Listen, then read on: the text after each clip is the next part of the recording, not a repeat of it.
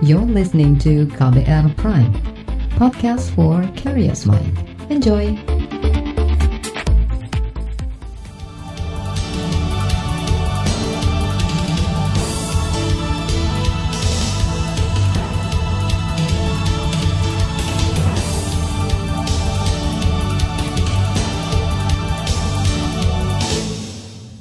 Selamat pagi saudara, kembali KBR menjumpai Anda melalui program Buletin Pagi edisi Jumat 5 Juni 2020 bersama saya, Reski Mesanto. Informasi terkini untuk pagi ini di antaranya DKI Jakarta kembali perpanjang PSBB selama dua pekan, Presiden Jokowi targetkan pemeriksaan spesimen COVID-19 meningkat dua kali lipat, dan penerbangan ke Papua mulai kembali dibuka. Saudara, inilah Buletin Pagi selengkapnya terbaru di Buletin Pagi. Pemerintah Provinsi DKI Jakarta memperpanjang status pembatasan sosial berskala besar atau PSBB selama dua pekan hingga 18 Juni mendatang. Gubernur DKI Jakarta Anies Baswedan mengatakan, meski saat ini status PSBB masih berlaku, namun bulan ini dijadikan masa transisi. Selama masa transisi, kegiatan sosial ekonomi bisa dilakukan bertahap. Sejumlah aturan PSBB akan diperlonggar, di antaranya rumah ibadah boleh dibuka untuk peribadatan rutin dengan memperhatikan protokol kesehatan. Bahwa fase pertama dimulai dengan melakukan pelonggaran hanya, saya ingin garis bawahi, pelonggaran hanya atas kegiatan yang memiliki satu, manfaat besar bagi masyarakat, dua, efek risiko yang terkendali. Ini di fase pertama. Dan kita berharap fase pertama ini bisa tuntas di bulan akhir bulan Juli ini. Gubernur DKI Jakarta Anies Baswedan menambahkan apabila pada masa transisi penyebaran COVID-19 stabil atau turun, maka masa transisi akan diakhiri. Sebaliknya, apabila kondisi belum stabil, maka masa transisi akan diperpanjang kembali. Selama masa transisi, kegiatan sosial budaya, olahraga sudah bisa dilakukan mulai hari ini. Sementara aktivitas lainnya seperti perkantoran, rumah makan, perindustrian, pergudangan, pertokoan retail yang sifatnya berdiri sendiri, artinya bukan bagian dari pusat pertokoan, akan dibuka pada Senin pekan depan. Sementara itu, saudara, para pengusaha menyambut lesu keputusan pemerintah DKI Jakarta memperpanjang pembatasan sosial berskala besar atau PSBB hingga akhir Juni.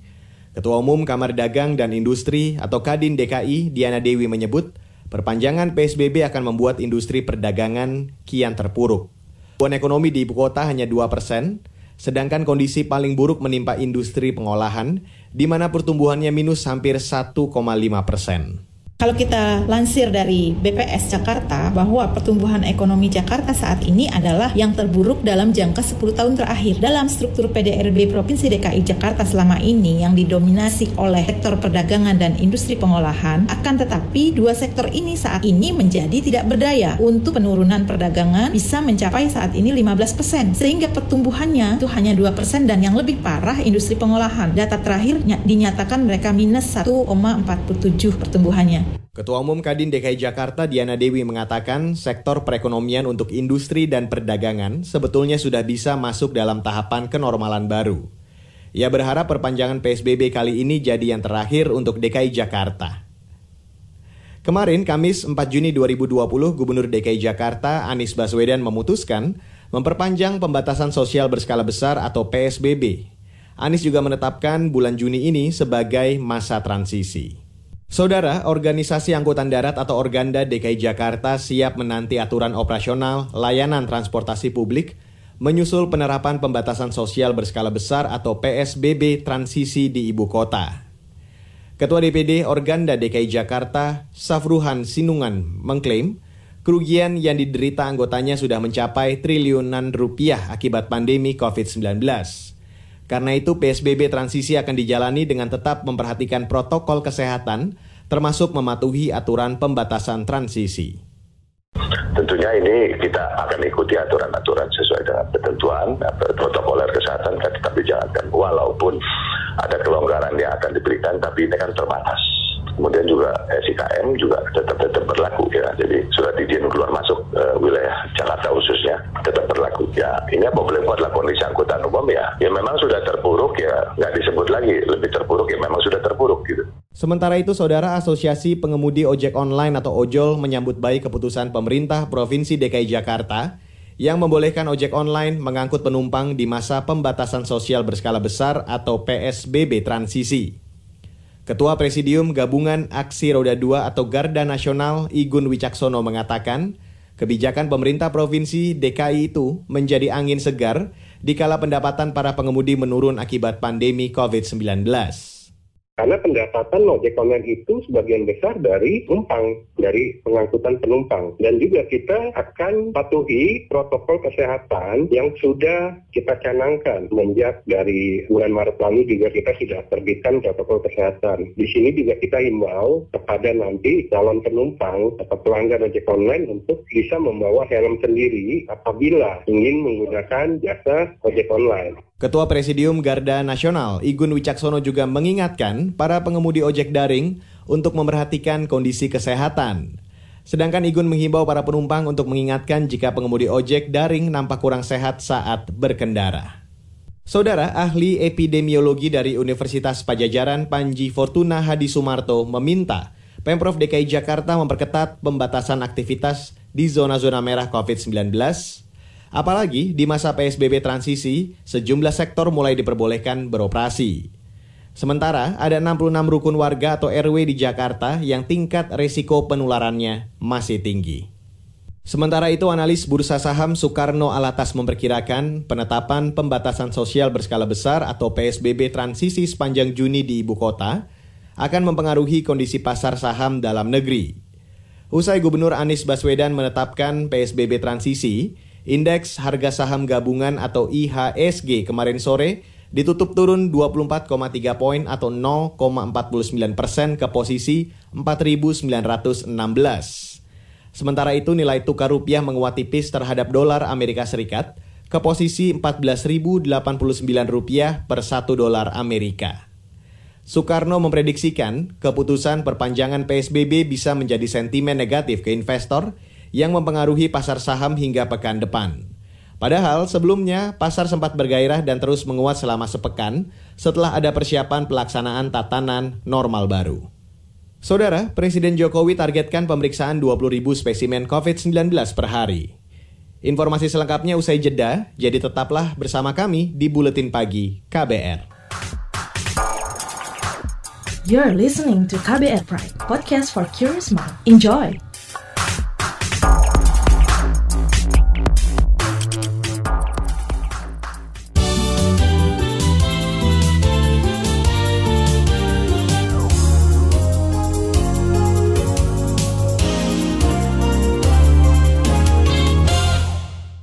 Saudara, Presiden Joko Widodo menaikkan target pengujian spesimen COVID-19 dua kali lipat.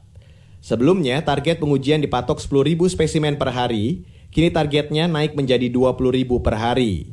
Dalam rapat terbatas terkait percepatan penanganan pandemi COVID-19 kemarin, Jokowi mengklaim target pengujian spesimen 10.000 per hari telah berhasil dicapai.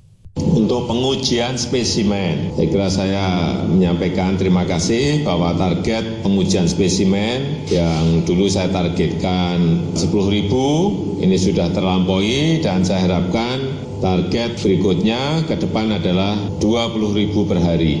Ini harus mulai kita rancang menuju ke sana. Presiden Joko Widodo juga meminta para menteri dan tim penanganan COVID-19 terus menekan angka penyebaran virus corona tiga provinsi yaitu Jawa Timur, Sulawesi Selatan, dan Kalimantan Selatan. Menurutnya, tiga provinsi ini memiliki angka sebaran yang sangat tinggi dalam beberapa waktu terakhir. Sementara itu, pemerintah melaporkan masih terjadi penyebaran kasus positif COVID-19 yang tinggi di tanah air. Juru bicara pemerintah untuk penanganan COVID-19, Ahmad Yuryanto menyatakan, hingga kemarin terjadi penambahan kasus positif sebanyak 585 orang sehingga jumlah total pasien positif terpapar COVID-19 mencapai lebih dari 28 ribu orang. Kami telah menyelesaikan pemeriksaan spesimen sebanyak 13.206 sehingga totalnya sekarang menjadi 367.640 spesimen. Baik yang kita periksa dengan real time PCR maupun dengan TCM. Dari pemeriksaan tersebut kita konfirmasikan bahwa terdapat kasus konfirmasi positif sebanyak 585 orang, totalnya menjadi 28.818 orang. Juru bicara pemerintah untuk penanganan COVID-19 Ahmad Yuryanto menambahkan, peningkatan kasus positif COVID-19 yang signifikan terjadi di sejumlah provinsi seperti Kalimantan Selatan dengan 109 kasus positif baru. Disusul DKI Jakarta, Jawa Timur, Sulawesi Selatan, dan Sumatera Utara. Pasien sembuh kini bertambah 480-an orang, sehingga total pasien sembuh menjadi lebih dari 8.000 orang, sementara kasus kematian bertambah menjadi lebih dari 1.700 orang. Beralih ke informasi lain, Komisi Nasional Hak Asasi Manusia atau Komnas HAM memperkirakan penyelesaian kasus pelanggaran HAM Paniai 2014 bakal mandek. Anggota Komnas HAM Muna Rizal Manan mengatakan, hingga saat ini berkas kasus penyelidikan pro justisia dari Komnas HAM belum juga ditindaklanjuti Kejaksaan Agung. Bahkan, berkas itu dua kali dikembalikan ke Jaksan Agung ke Komnas HAM. Muna Rizal menilai pengembalian berkas itu memperlihatkan tidak adanya itikat baik dan keseriusan dari Kejaksaan Agung untuk menindaklanjuti kasus Paniai. Komnas HAM khawatir kasus Paniai akan bernasib sama dengan kasus pelanggaran HAM lainnya yang terbengkalai. Kalau ini benar terjadi, maka dapat diartikan bahwa kasus-kasus terus mandek dan ini yang pania ini juga akan ikut mandek dan kalau ini berlangsung terus tanpa ada pastian, maka ini berpotensi mengarah menjadi impunitas, sesuatu yang sangat diharamkan di dalam prinsip norma hak asasi manusia internasional. Dan tentu saja kalau ini tidak ada upaya penyelesaian, maka akan menjadi hutang keadilan bagi negara hukum kita, akan mencederai prinsip negara hukum kita yang salah satunya adalah asasi manusia. Anggota Komnas HAM Munarizal Manan menjelaskan selama ini Kejaksaan Agung selalu beralasan tidak bisa menindaklanjuti kasus itu karena kurang petunjuk.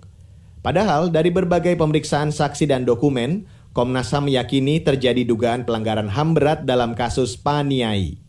Tragedi Paniai terjadi pada 2014 saat itu warga pengunjuk rasa ditembak aparat gabungan TNI dan Polri di lapangan Karel Gobay, Kabupaten Paniai. Lima orang tewas dan belasan orang terluka dalam peristiwa ini. Saudara, Asosiasi Pengusaha Indonesia atau APindo keberatan dengan peraturan pemerintah yang mengatur iuran tabungan perumahan rakyat atau TAPERA. Apalagi bila diterapkan saat pandemi COVID-19 belum teratasi maksimal. Ketua Pindo Haryadi Sukamdani mengatakan, aturan tersebut sangat memberatkan bagi pekerja maupun pengusaha. Mengapa kita harus membentuk badan baru menarik iuran lagi? Yang jelas itu pasti memberatkan pekerja dan juga pemberi kerja. Dan untuk sesuatu yang uh, apa ya, itu kan pemupukan itu kan lama, mas.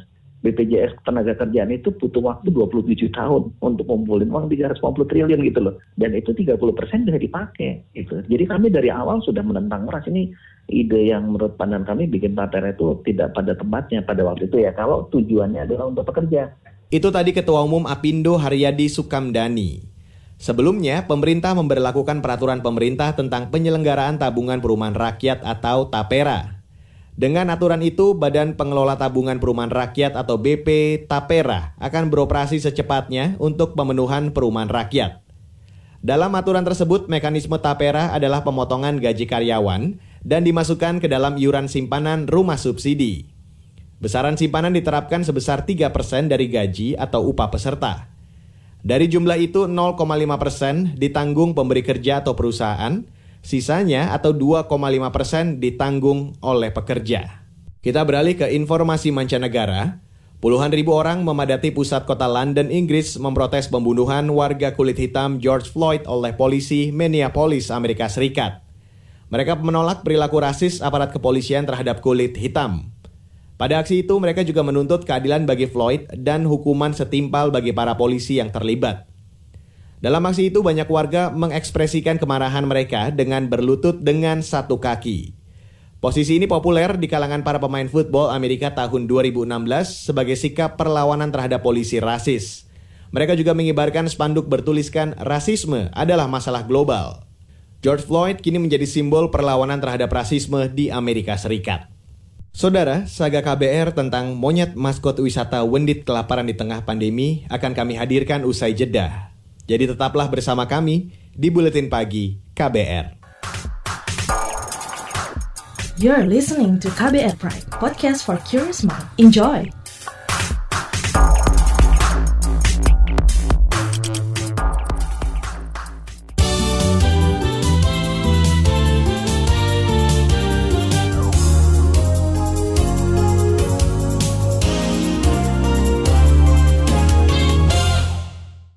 Sekarang saya ingin ajak Anda untuk mendengarkan saga KBR tentang monyet maskot wisata Wendit kelaparan di tengah pandemi.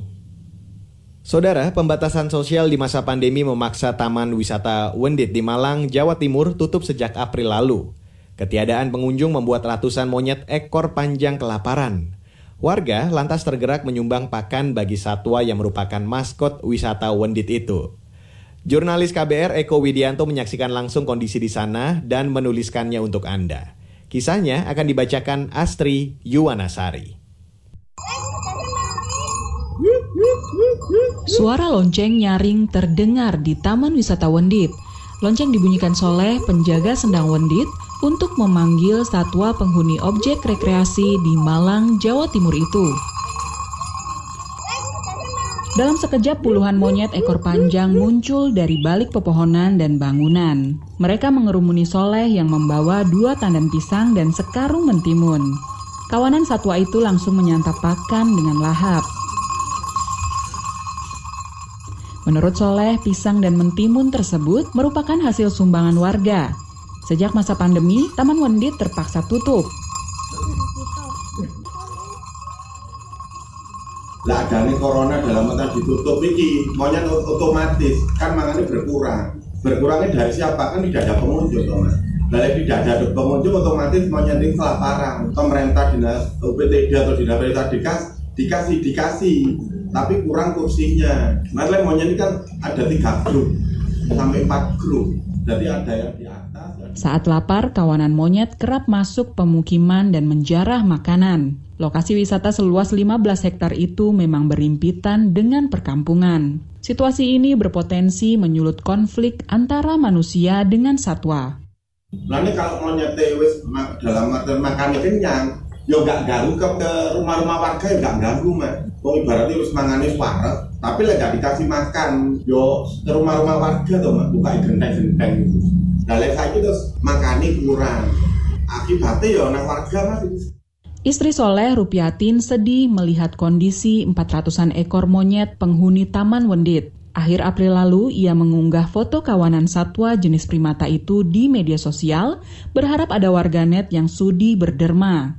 Sampai akhirnya saya pun upload gambarnya monyet banyak itu cuma postingan saya luwe gitu aja, ngenteni mangan gitu aja. Akhirnya kan ya ada yang terentek ah Mas Yogi yang pertama memberi ide itu, Bu kalau sembako kan sudah ke rumah-rumah ya bu hmm. tapi kalau untuk makhluk yang lain contohnya monyet lah bu saya ingin ingin ngajar anak saya biar bisa berbagi dengan makhluk yang lain Usaha Rupiatin menuai hasil. Baru sehari konten diunggah, sudah ada komunitas yang datang membawa bantuan pakan. Sejak itu, aneka buah dan sayur untuk satwa penghuni Wendit terus mengalir ya pisang bawa pisang timun kemarin kalau yang dari Arjosari oh. itu bawa pisang sama kacang panjang. Besok hari minggu juga mau ke sini juga. Tanya saya bu monyet ini makannya apa? Sayur mau aku? Iya mau. Saya gitu. Nasi lo mau ha? Ayo rek adang. Soalnya dia malah kayak berasa gitu. Bawa sayur kangkung sawi saya mikir saya wendit oh, kayak bukan kayak gitu kan langsung wah jangan sampai kalau di wendit seperti ini nah ternyata di sini juga sama nggak ada pengunjung mbak Imam Effendi, salah satu donatur, hari itu membawa empat tumpeng nasi kuning lengkap dengan aneka lauk. Sajian spesial itu langsung diserbu kawanan monyet. Imam jatuh iba mengetahui satwa-satwa tersebut kelaparan akibat pandemi. Pengen menyelaraskan sih, kita sama-sama makhluk ciptaan Tuhan, setidaknya mereka pun juga butuh makan uh, alhamdulillah sih dari share-sharean kemarin tuh teman-teman akhirnya banyak datang uh, ada yang ke sini bawa buah bawa sayur seperti itu dan pengennya juga memang mau kalau untuk tumpengan memang kita kemarin pengennya ya hajatnya memang bikin tumpeng dan apa ya istilahnya kalau orang Jawa yang murah yang ngalapnya itu ya monyet-monyetnya sendiri. Untuk keberkahannya bukan hanya buat Iya. kami sekeluarga tapi buat semuanya dan khususnya setidaknya wabah pagebluk Hmm. ini segera sirna. Pemerintah Kabupaten Malang dikritik karena menelantarkan monyet penghuni Taman Wendit. Selaku pengelola, Pemkap semestinya menjamin kesejahteraan satwa. Ketua Dewan Daerah LSM Lingkungan, Walhi Jawa Timur, Purnawan Dwikora Negara. Pemkap Malang harus mengambil alih ketersediaan makanan bagi eh, monyet yang ada di Wendit ini. Mereka karena berada di tengah permukiman yang semula liar seharusnya bisa mencari makan sendiri karena tidak lagi berada pada kawasan hutan-hutan primer, mereka menjadi sangat tergantung gitu, pada pengunjung yang ada di wisata Wendit begitu. Purnawan juga menyayangkan monyet di Wendit tak pernah diurus maupun dirawat secara khusus. Ketidakcukupan sumber pangan memaksa satwa itu lebih banyak bergantung pada belas kasih pengunjung. bisa dikategorikan sebagai perusakan terhadap lingkungan dalam artian adalah melakukan pembiaran pemusnahan ada terhadap eh, satwa-satwa monyet yang menjadi bagian dari ikonik Wendit. Demikian saga jurnalis KBR Eko Widianto, saya Astri Yuwanasari. Saudara, informasi dari daerah akan kami sajikan sesaat lagi usai jeda. Tetaplah bersama kami di Buletin Pagi. You're listening to KBR Pride, podcast for curious mind. Enjoy!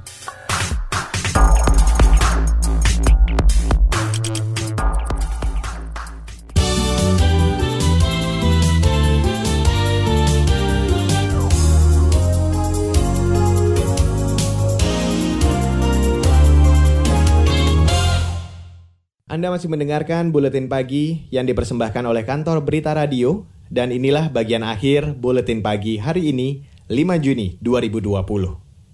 Kita ke Papua, Saudara. Pemerintah Provinsi Papua membuka kembali akses pelayaran dan penerbangan penumpang dari dan menuju Papua. Akses transportasi laut dan udara dibuka selama dua pekan, mulai pekan depan.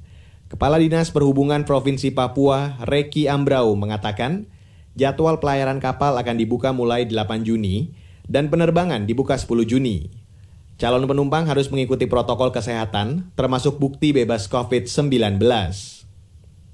Mulai tanggal 10 itu dibuka transportasi udara masih dikhususkan untuk langsung Jakarta Jayapura pulang pergi, tidak yang transit. Pengaturan penumpang masuk maupun keluar ini akan diatur dengan ada aturan lagi lebih lanjut dengan melibatkan instansi terkait yang ada di bandara. Kepala Dinas Perhubungan Provinsi Papua, Reki Ambrau mengatakan, meski pemerintah daerah kembali mengizinkan akses pelayaran dan penerbangan untuk sementara waktu, namun jadwal pelayaran dan penerbangan hanya diperbolehkan untuk melayani rute keluar Papua, yaitu rute Jakarta Jayapura dan sebaliknya dengan satu kali penerbangan dalam sehari. Maskapai penerbangan dan pelayaran penumpang juga hanya diperbolehkan memuat 50% penumpang. Sedangkan akses pelayaran dan penerbangan antar wilayah di Papua belum diizinkan. Sekarang kita ke Aceh, saudara. Belasan rumah di Sabang, Aceh rusak akibat guncangan gempa berkekuatan 3,8 magnitud yang terjadi kemarin pagi. Pusat gempa berada 5 km di sebelah tenggara Banda Aceh. Kepala Bidang Pendaruratan Badan Penanggulangan Bencana Daerah atau BPBD Sabang, Budiman, mengatakan gempa itu sempat membuat warga panik. Terus uh, disusul ada beberapa gempa berikutnya sampai ada 11 gempa susulan lah. Ada yang dampaknya itu ada satu ruko yang rusak berat, terus empat ruko rusak sedang dan dua rumah rusak ringan. Kita ada dua bangunan pemerintah yaitu kantor mukim tempat dan TP. Kepala Bidang Kedaruratan BPBD Sabang, Budiman, menang. Saudara, seluruh aparatur sipil negara atau ASN di Kabupaten Rembang, Jawa Tengah hari ini mulai kembali bekerja dari kantor. Kepala Bagian Protokol dan Komunikasi Pemerintah Rembang, Arif Dwi Sulisia, mengatakan, para pegawai wajib menerapkan protokol kesehatan, seperti memakai masker, mengecek suhu tubuh hingga mencuci tangan pakai sabun di pintu masuk. Jarak posisi duduk antar pegawai juga harus dijaga minimal 1 meter. Para PNS itu sudah nanti masuk kerja seperti biasa mulai jam 7.30 dan pulang jam 4 sore dan tetap menggunakan fingerprint untuk presensinya dan mematuhi protokol kesehatan COVID. Kepala Bagian Protokol dan Komunikasi Rembang Arif Dwi Sulistia menambahkan ada juga ASN yang diizinkan tetap bekerja dari rumah, yaitu pegawai yang mengidap penyakit penyerta yang rentan dan pegawai yang hamil atau menyusui bayi. Selain itu, pegawai yang punya riwayat kontak dengan pasien COVID-19 juga masih diizinkan bekerja dari rumah. Saudara, informasi tadi menutup jumpa kita di Buletin Pagi hari ini. Pantau juga informasi terbaru melalui kabar baru, melalui website kbr.id, Twitter kami at berita KBR, serta podcast melalui kbrprime.id. Akhirnya saya, Reski Mesanto, saya undur diri. Salam.